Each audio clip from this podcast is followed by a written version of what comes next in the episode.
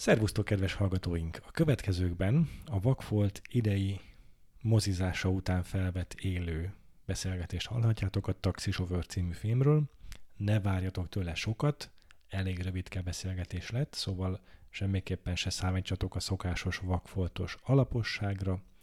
Sajnos ott rontottuk el, hogy a termet nem sikerült úgy lefoglalni, hogy maradjon időnk a beszélgetésre a film végén legközelebb majd okosabban szervezzük meg. Azért így is egy nagyon kellemes 20 percet beszélgettünk a taxisofőrről, a legfontosabb információk remélhetőleg elhangzanak. Sajnos ennél hosszabban nem fogunk a filmről beszélgetni a Vakfolt podcast keretén belül, legalábbis a közeljövőben biztos nem. Így is jó szórakozást kívánunk az adáshoz, és várunk benneteket szeretettel a következő Vakfolt mozizáson is. Ez itt a Vakfolt Podcast, ahol a filmkultúra kötelező Nagyon szép. Köszönjük szépen, az én nevem Frivalszki Mayer Péter. Az én nevem Huszár András. És most volt a taxisofőr mozis vetítése a Premier Kult Caféban 2023. május 26-án pénteken. Reméljük, hogy nem az utolsó idei vakfoltos mozivetítés. A vetítés egyébként a Patreonon a támogatóinak köszönhetően jött létre. Nekik most egy tapsot szeretnék kérni, mert nélkül tényleg nem jött volna ez össze. És hát a taxisofőr az a Martin Scorsese rendkívül impresszív filmográfiájából az, az egyik, nem tudom, pillér, vagy olyan csúcs, csúcs teljesítmény, 76-ból. És az a, a, a, nyilván választhatunk volna, mit tudom én, nagy, nagy, nagy, nagy menőket, és akkor mindig itt ülnénk a film alatt, meg ö, egyéb eposzokat a későbbi szakaszából a karrierén, de szerintem tök jó, hogy egy olyan filmet választottunk, ami számotokra is pótolható volt, meg, ö, meg szerintem azért erről bőven van mit beszélni. Igaz, hogy egy, alapvetően egy túlbeszélt filmről van szó, könyvek jelentek meg róla, most volt adása a Filmvilág podcastnak, amit mindenkinek ajánlok, mert most a mi negyedórás játékidőnkben úgyse fér bele az a mennyiség, amit ők kibeszéltek róla, és egy nagyon jó adás, úgyhogy azt amúgy is mindenkinek ajánlom, ha akartok taxisofőrológiából tájékozódni. De hát a Martin Scorsese nevén kívül azért még néhány embert meg kell említeni, akik miatt ez a film igazából az a legendává vált, ami. A forgatókönyvírója Paul Schrader, aki önálló jogon is filmrendező, már azóta úgy értem, tehát már 80-as években is rendezett. A főszereplő Robert De Niro-nak szintén ez egy ikonikus alakítása, ez már az első oszkárja utáni, tehát a Keresztapa 2 utáni alakítás volt, és újabb óriási method acting maratont láttunk ebben a filmben tőle. Aztán a film zeneszerzője Bernard Herrmann, aki meg a Pszichó, az Aranypolgár zeneszerzője, tehát a, a Scorsese-nek a saját inspirációi, saját kedvenc rendezői, kedvenc filmjeinek a zeneszerzőjét kérte fel erre a filmre. Ez egy ilyen érdekes trivia a filmmel kapcsolatban, vagy érdekes sztori vele kapcsolatban, hogy már kész volt a filmzen, amikor még visszahívták még egy valaminek a felvételére, mert volt egy olyan zenei téma, amit még akartak módosítani, és akkor még utoljára össze, még egyszer összehívta a zenekart, és akkor felvették azt az egy kis valamit, és azon mód meg is halt a Bernard Herrmann, tehát egy aznap este, miután leadta a felvételt, akkor, akkor ő elhunyt, úgyhogy ez volt az utolsó szkórja ő neki. A Scorsese-nek meg az egyik első nagy filmje, hát ezek ut- te látod a komplet filmográfiát, ráadásul időrendben, úgyhogy egy kicsit itt nekünk ez helyezd el időben, András, hogy hogy jött ki ez a taxisofőr? Hát ezelőtt azért már volt a, az Aljas utcák, ami, Amit együtt látunk a podcastban. Igen, igen, igen, ami azért egy, már azzal így felhívta magára a figyelmet, de azelőtt volt néhány igazából kisebb jelentőségű filmje, talán úgy fogalmazhatunk, tehát hogy ez volt azért az a film, ami őt nagyon feltette Hollywoodnak a, a, a, a, az élmezőnyébe. Tehát amikor Igen. ez a film készült, akkor ő még nem volt nagy név, és akkor azok, a, azok az emberek, akik megpróbálták tető alá hozni ezt a filmet, ők, ők mindig a, tehát a, abba futottak bele, hogy elmentek egy csomó stúdióhoz, és minden stúdiófejes azt mondta, hogy tök jó, nagyon jó a forgatókönyv, tök izgalmas, hadd nem így csináljuk meg. Majd valaki más létszik. Tehát, hogy így nagyon benne se bíztak annyira, a Paul Schrader, a forgatókönyvíró, akinek ez egy nagyon személyes forgatókönyve volt, a saját démonait írta bele gyakorlatilag, a saját ilyen magányos megzakkanásait. Ja, ő, ő tényleg úgy fogalmaz szó szerint, hogy a Travis Bickle az ő maga. És ő se feltétlenül Scorsese-t képzelte el a korábbi filmje alapján, hogy erre alkalmas lesz. Aztán, amikor látta az Aljas utcákat, ami szintén egy gangsterfilm, Robert De Niroval, Harvey Keitel-lel, nagyon erős hasonló vizualitással, meg ja. atmoszférával akkor úgy érezte, hogy oké, okay, megbízhatok ebben az emberben, aztán utána nagyon sok konfliktusuk volt a forgatás alatt. Hát is dolgozták eléggé, a, tehát a csomó karakter komoly változásokon ment át. De hogy Scorsese tényleg nem volt az a név, aki így akár egy pár évvel később is akivé vált, szóval, szóval nagyon-nagyon kockázatos film volt ez, még ugye 70-es éveknek a kockázatos filmeket előnyben részesítő légkörében is, yeah. és ahhoz képest meg iszonyatosan nagy közönség siker volt, tehát hogy így nem tudom, az e-, első napokban volt, vannak ilyen anekdoták, hogy a a scorsese mentek megnézni, hogy na hányan mennek a, a New Yorki mozikba, és akkor látták, hogy így tök nagy a sor, és aztán rájöttek, hogy de ja, ez már a, nem tudom, a, a következő vetítésre, vagy az előző vetítésre, tehát hogy így, hogy így gyakorlatilag folyamatosan özönlöttek az emberek erre a filmre, amire kb. szerintem senki nem számított, nem. hogy ez, hogy ez ekkora, ekkora ja tényleges nagy, nagy siker lesz. És mivel nagyon rövid időnk van, ezért szerintem pár ilyen kulcsvonatba foglaljuk össze azokat a támpontokat, amik segítenek megérteni, meg, meg az egész mélységét átlátni a taxisofőrnek. Szerintem ehhez kezdjük ötön azzal, hogy mi volt, ez a, mi volt a titka annak, hogy ez ekkora siker lett.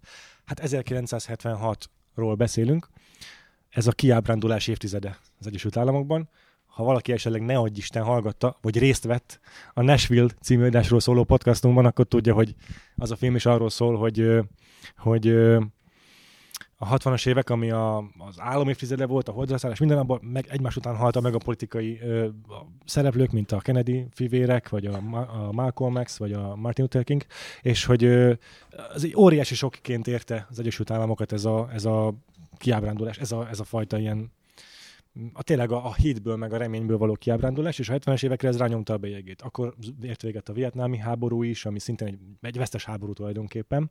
Tehát így nagyon a mély ponton volt, így morálisan az Egyesült Államok, és akkor ebben az évtizedben jöttek ki az olyan filmek, mint az Altmantól a Nashville, aminek tök hasonló amúgy a, a befejezése is, mint ennek a filmnek, egy, egy politikai rendezvényen zajlik egy lövöldözés.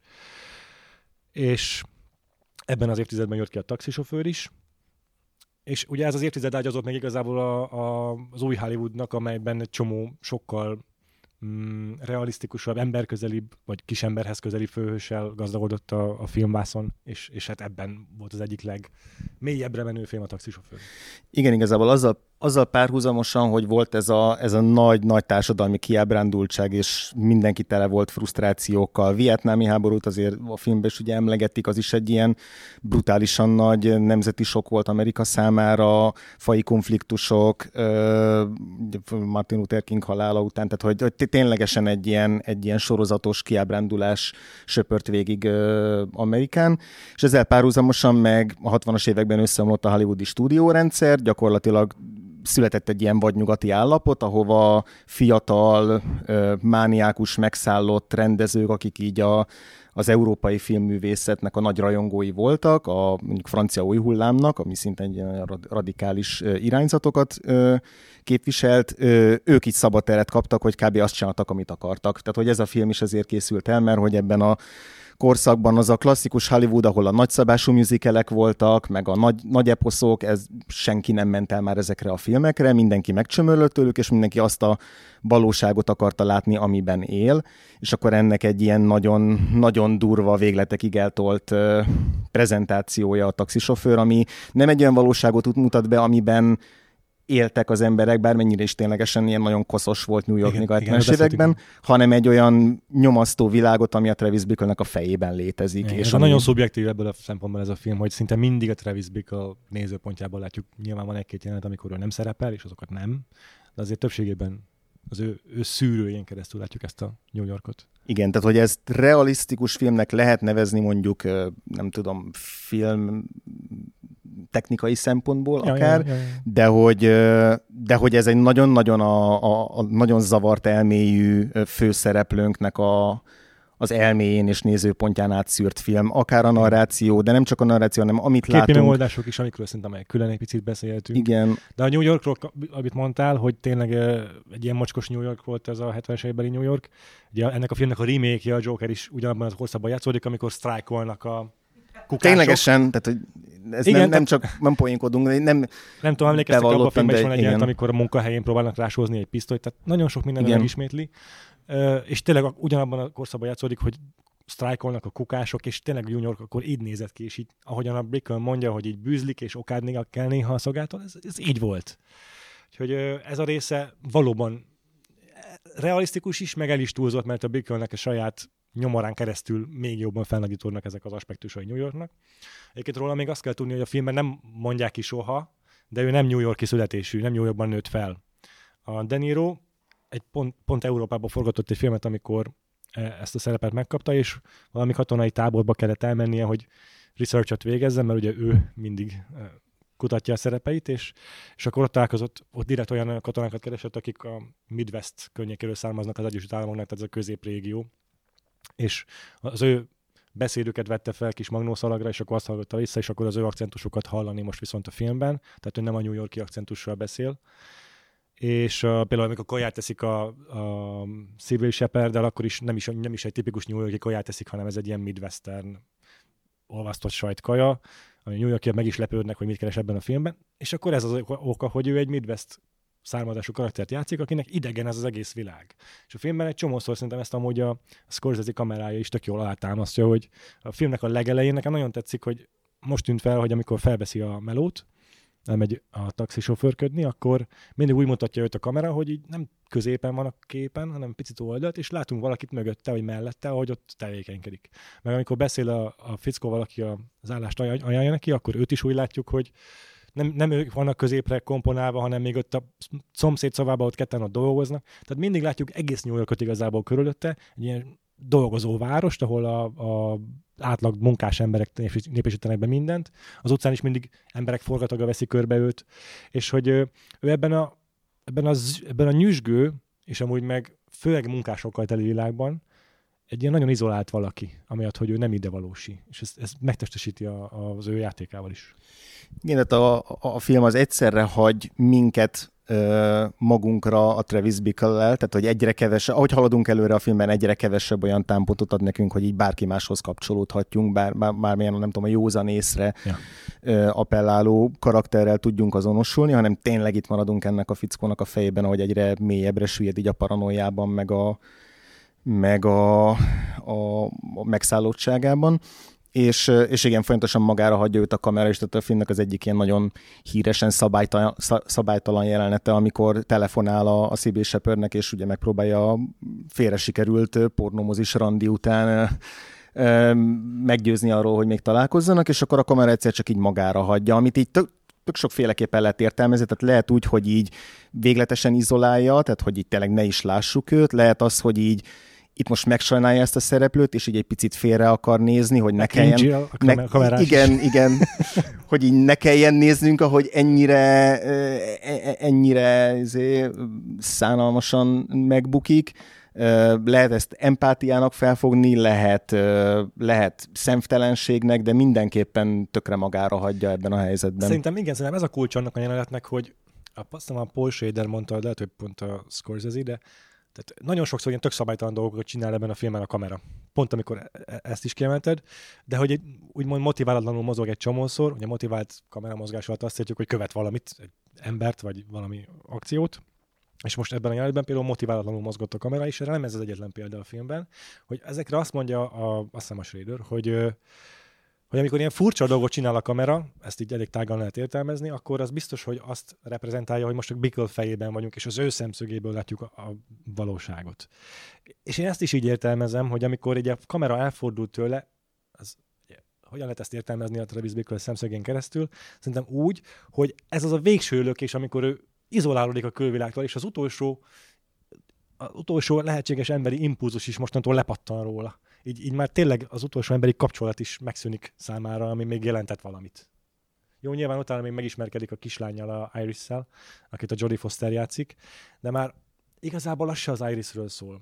A Scorsese-nél gyakran visszatérő motivum, az Ajos utcákban is, későbbi filmeiben is a katolikus bűntudat, meg a, a, a megbűnhődés, illetve a, a, a felmentés keresése. Megváltás, a megváltásnak a keresése, igen. Úgyhogy ezzel tök jól egymásra találtak ebben a filmben a Paul Shaderrel, hogy ez a motivum ez nagyon egy, egy, egy, egy hullámoszon pendült mind a mert a, a filmben a két női karakter, az így az általános értelmezés a filmnek az, hogy a Sibyl Shepard karakter, aki a kampánymunkás, az a Madonna tehát az ilyen angyali vagy istenszerű figura, aki ilyen megközelíthetetlenül tiszta, és az Iris meg a, a, a kurva, a prostituált, és akkor ez a Madonna Whore Complex, ahogy az angolba szokták mondani, hogy ez a két értelmezése van a férfi számára, ennek a férfinak a számára a nőkről úgy általában véve, vagy kurva, vagy Madonna, és, és, és, és ebben a dimenzióban látja ő a, a, a nőket, és így keresi a, miután a Madonna való kapcsolata meghiúsul, utána megpróbálja a saját megváltását elnyerni úgy, hogy megment egy kurvát. Szóval az nem az Irisról szól az, hogy ott megmenti, hanem saját magáról. Úgyhogy ott már lehet, hogy tekinthetjük úgy, hogy ő már ott elvesztette a kapcsolatát a külvilággal azon a ponton, amikor Iris-szal próbálkozik.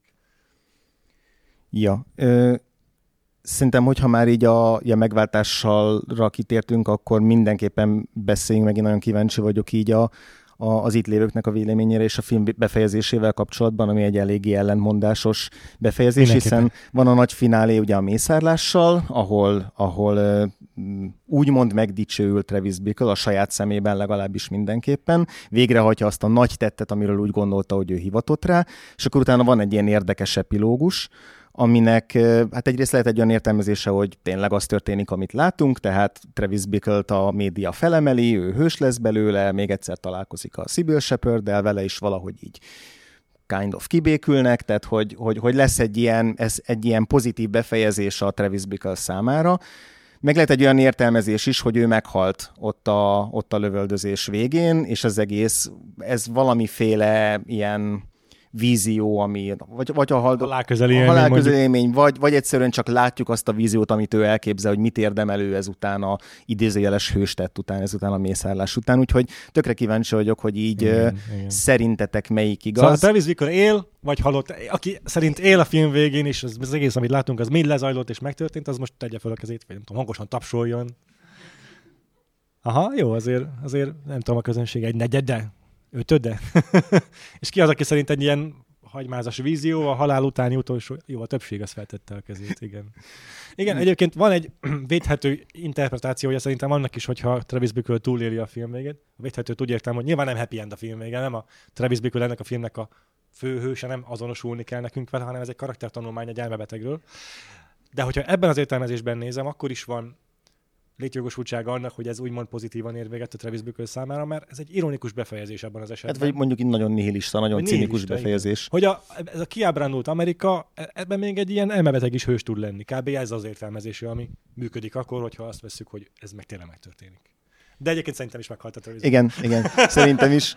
Igen, nekem ez, amikor először láttam, nem annyira szuper régen ezt a filmet, akkor nekem mint tök egyértelműnek tűnt, hogy a, nem tudom, vizuálisan is valahogy azt közvetíti az Ahogyan utolsó a kamera ott beszélgetés után egy kicsit megzakkan a, a, a, kamera a taxiban, vagy van egy ilyen kis megremegése. Volt vagy... egy ilyen furcsa hangeffektus is, mint hogyha a zenében lenne egy ilyen, nem tudom, a, a igen. egy picit az lejátszó, vagy nem tudom. Igen, igen, igen, igen, szóval nekem, nekem is te, teljesen úgy tűnt, hogy, hogy, hogy ez vizuálisan is alá támasztva, meg. Másrészt, hogy így én, én egyszerűen máshogy nagyon-nagyon nehezen tudtam volna a helyére tenni a, a, a finálét, hogyha ez ténylegesen megtörténik, és nem tudom, nekem így, így egyel egyszerű, vagy egyel könnyebb az a, az az értelmezése a filmnek. Pedig általában, amikor szokott lenni filmeknél, hogy ú, ezt az egészet csak képzelte a főszereplő, vagy a végét képzelte, akkor általában nem szoktam szeretni ezeket a, ezeket a teóriákat, de itt valahogy nem tudom, ragaszkodok hozzá, én mert is, én kicsit is, könnyebb, tehát egy kicsit könnyebben le tudom mosni ennek a filmnek az ilyen mocskát a utána. Mocskát.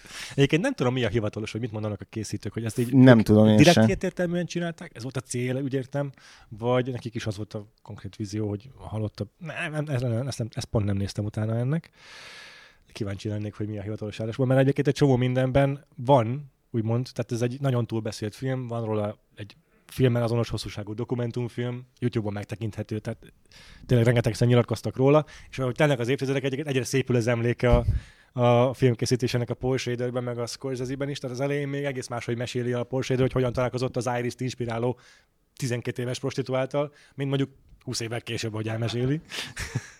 De tényleg, tehát a, a, az iris egy, egy valódi 12 éves prostituált inspirálta, aki benne van a filmben. A, az Iris mellett folyton ő mászkál, ő a barátnője, aki a kocsi előtt is elrántja.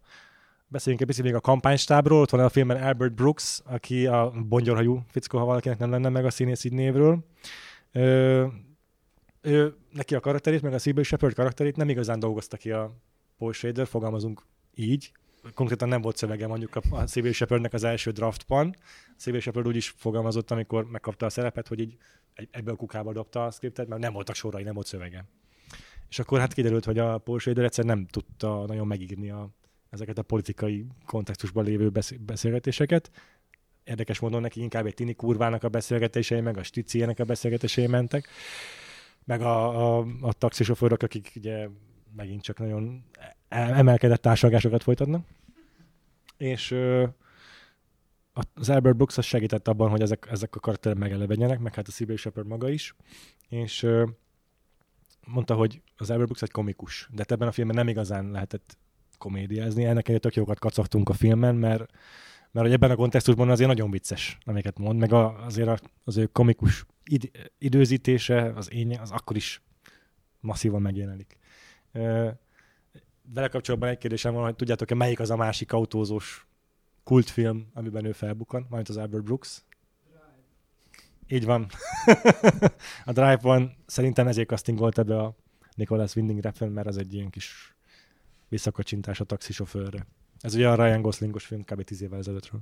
Igen. Egyébként most egy újranézésén is nekem tökre tetszenek ezek a jelenetek. Tehát igazából nincs rá úgymond szükség, vagy nincs rá úgymond szükség, tehát hogyha így lehetne nyesni a filmen, akkor de, valaki de mondhatná nem lenne, azt, akkor hogy... nagyon-nagyon vékony karakter lenne igen, a Shepard. Igen, és engem kifejezetten tetszik, hogy most az, hogy ezt, ezt kiírta meg, vagy kirögtönözte a, a forgatáson, vagy kik formálták meg ezeket Jaj. a párbeszédeket, ez most egy másodrendű kérdés, de hogy tökre tetszik, hogy a Sybil Shepard karaktere is kap főleg a film első felében ő, az ő nézőpontját így át tudjuk élni, meg, meg, meg neki van tényleg egy ilyen egy olyan szemszöge, amit, ami, ami mutatja, hogy nem kell mindent elhinnünk a Travis Bickle-nek, amit mond, meg nem, nem, nem vele kell ugye azonosulnunk, mert a film elején azért még nagyon billeg az, hogy ő csak egy ilyen fura ufó vagy, vagy nagyon paraarc, és, és tök viccesek a kis párbeszédeik, meg így jók ezek a kis ilyen, ilyen hangulatképek így a, így a kampánystábból.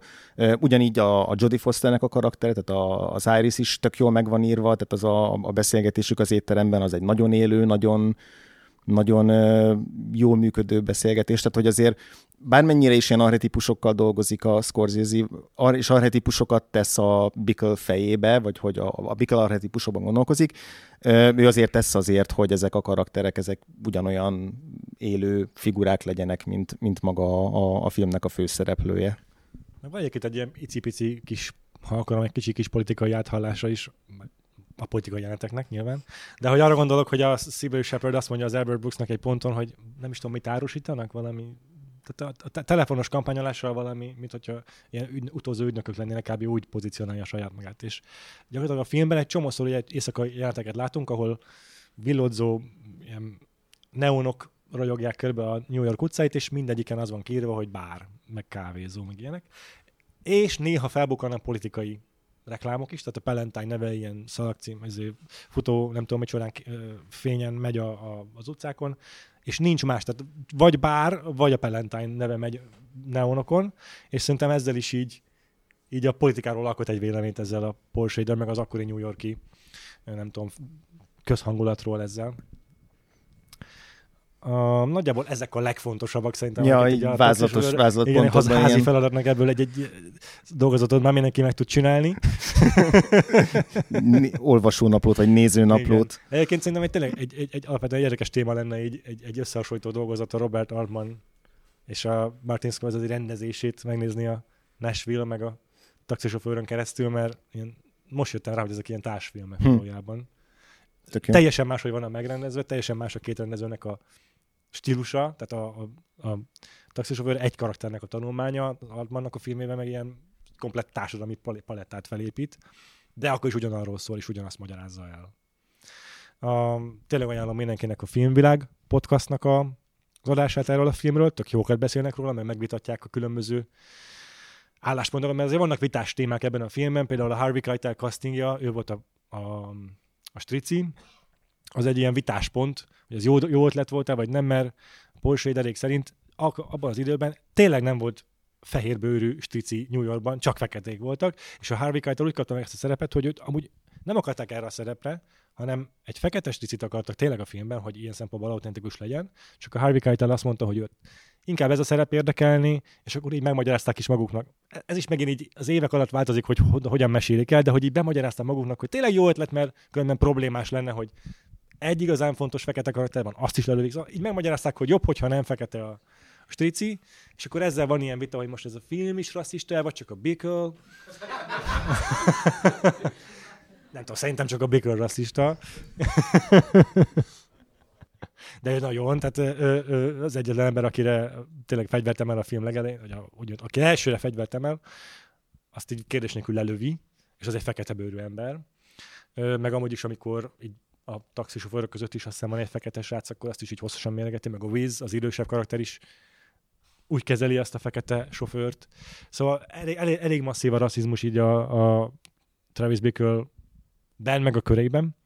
Még egy utolsó dolog, amit így a, a, az ő karakterével kapcsolatban érdekes lenne szerintem kiemelni, meg így a Paul Shaderrel kapcsolatban. Ugye a, a Wizhez fordul, a Wiz nevű karakterhez fordul tanácsokért. és, próbálkozott. Ilyen, pró- próbálkozott, de amúgy szerintem volt jelentősége a film szempontjából annak, ami ott elhangzik. Amit a Wiz magyaráz neki, az az, hogy hát akármit csodor eléd a szél, az, az menjél, az, az csináld azt. Hogyha éjszakai műszakot rossz a gép, akkor neked azt kell csinálni.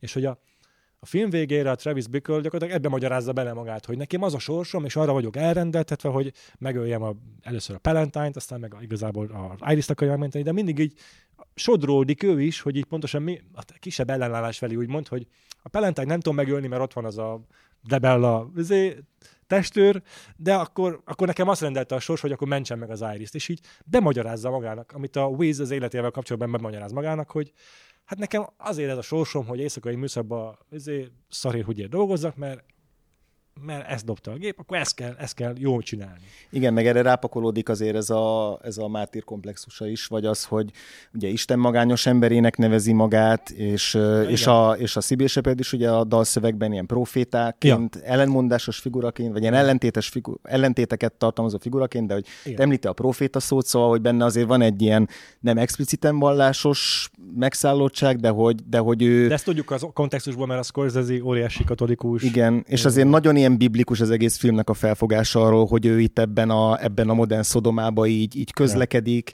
és, és el van szigetelve a taxiában, de látja, hogy micsoda szenny van, és ő, ő az egyetlen, aki ezt ki tudja takarítani, és akkor egy ilyen messiásként ő, ja. ő ott ki akarja pucolni ezt a várost. Ja, ja. Mindjárt ránk zárják az ajtót, még pedig volt bennem pár gondolat, de hát rengeteget lehetne beszélni erről a filmről. Szerencsére megtették helyettünk mások. Ez most arra jó tényleg szerintem, hogy így, így akinek első élmény volt ez a film, és érzi, hogy kurva jó, de hogy mitől óriási klasszikus, annak lehet, hogy adtunk némi támpontot. remélem legalábbis, meg ha voltak ilyen, ilyen nem tudom, vitás kérdések bentek, hogy mit hogy kell esetleg nem tudtátok hova tenni, akkor remélem abban tudtunk segíteni. Mi ezután folytatjuk egy, egy, egy kocsmában, egy sörözőben, és még néhány ilyen utolsó, nem tudom, ügyrendi pont, hogy a pólónkon, meg az itt kapható pólókon láthattátok, hogy a Vagfolt Podcast az új arculattal fog megjelenni mostantól.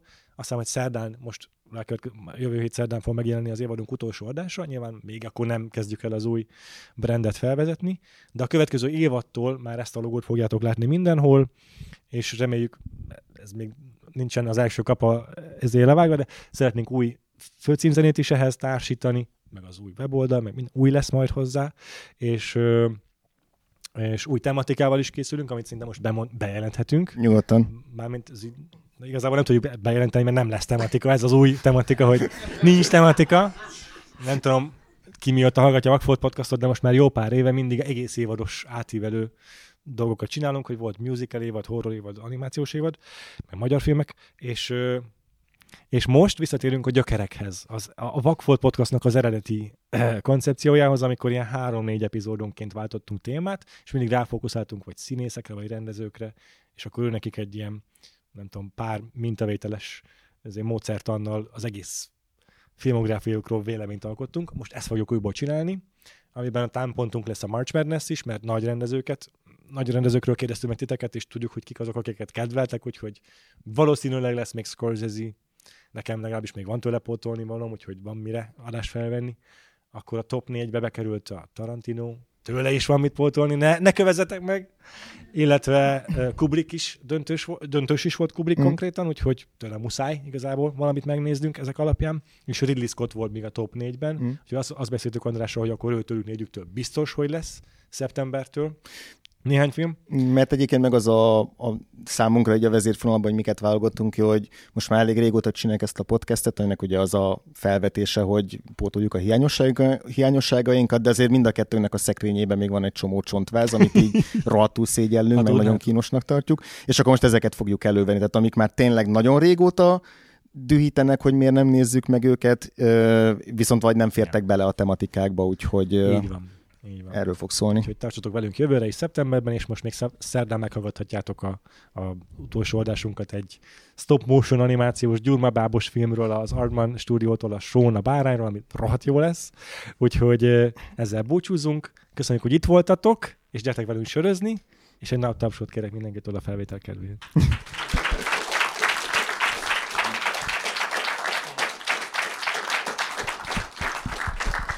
Köszönjük szépen. Köszönjük szépen, hogy jöttetek, tényleg. Igen. Óriási.